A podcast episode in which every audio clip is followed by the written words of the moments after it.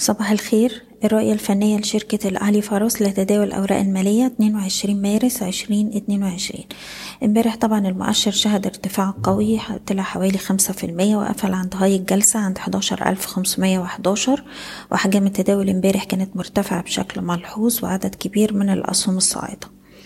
دلوقتي المؤشر بيستهدف مستوى المقاومة التالي عند الحداشر ألف وسبعمية ويليه القمة عند الاتناشر ألف نقطة. أقرب مستويات دعم دلوقتي للمؤشر عند ميتين وخمسين ويليه اللو بتاع جلسة امبارح عند الحداشر ألف. طبعا اللوهات بتاعت السوق امبارح في كل الأسهم بقت مستويات دعم مهمة جدا للفترة اللي جاية. من المهم إن إحنا نفضل محافظين عليها الفترة الجاية عشان نشوف استمرار لمحاولات الصعود. ونتيجة التذبذب العالي في السوق خلال الأسبوع ده بننصح الناس اللي الأسهم بتاعتها وصلت للمستهدفات تبتدي تجني بعض الأرباح وتعيد الشراء في أثناء الانخفاضات. بالنسبة للأسهم اللي معانا نبدأ بال CIB ال CIB دلوقتي أقرب دعم عنده عند السبعة وأربعين جنيه ويليه طبعا ال low بتاع جلسة امبارح عند الخمسة وأربعين ولسه ليه مستهدفات عند التمانية وأربعين خمسة وسبعين ويليه مستوى الواحد وخمسين جنيه. بالنسبة لسهم e-finance بنحتفظ بالسهم طول ما هو فوق السبعتاشر جنيه. أقرب دعم دلوقتي عند التمنتاشر والسهم بيستهدف مستوى التسعتاشر ونص. سهم فوري أقرب دعم دلوقتي عند التسعة جنيه وتلاتين قرش. طول ما إحنا محافظين عليه يروح يجرب على العشرة جنيه واختراقها يوديه للعشرة جنيه وسبعين قرش.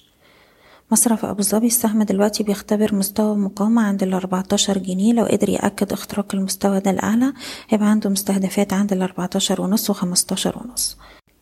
المجموعة المالية هرمس السهم بنحتفظ فوق الستاشر جنيه وتسعين قرش ومنها يروح يجرب على التمنتاشر جنيه وتمانين قرش واختراقها بيستهدف تسعتاشر جنيه وأربعين قرش. سيدي كرير السهم امبارح قدر يخترق مستوى المقاومة بتاعه تمانية جنيه وخمس قروش وقفل فوقيه بأحجام تداول عالية وهو دلوقتي بيستهدف مستويات التمانية تمانين والتسعة جنيه. السويدي اتكلمنا عليه أكتر من مرة لما كان في السبعة جنيه وأربعين قرش. السهم دلوقتي عنده مستهدفات عند التمانية تمانين والتسعة جنيه وأقرب مستوى دعم عنده عند التمانية جنيه وعشر قروش.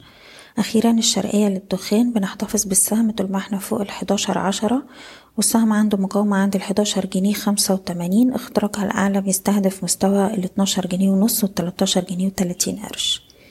بشكركم بتمنى لكم التوفيق. إيضاح الشركة غير مسؤولة عن أي قرارات استثمارية يتم اتخاذها بناء على هذا التسجيل. شكرا.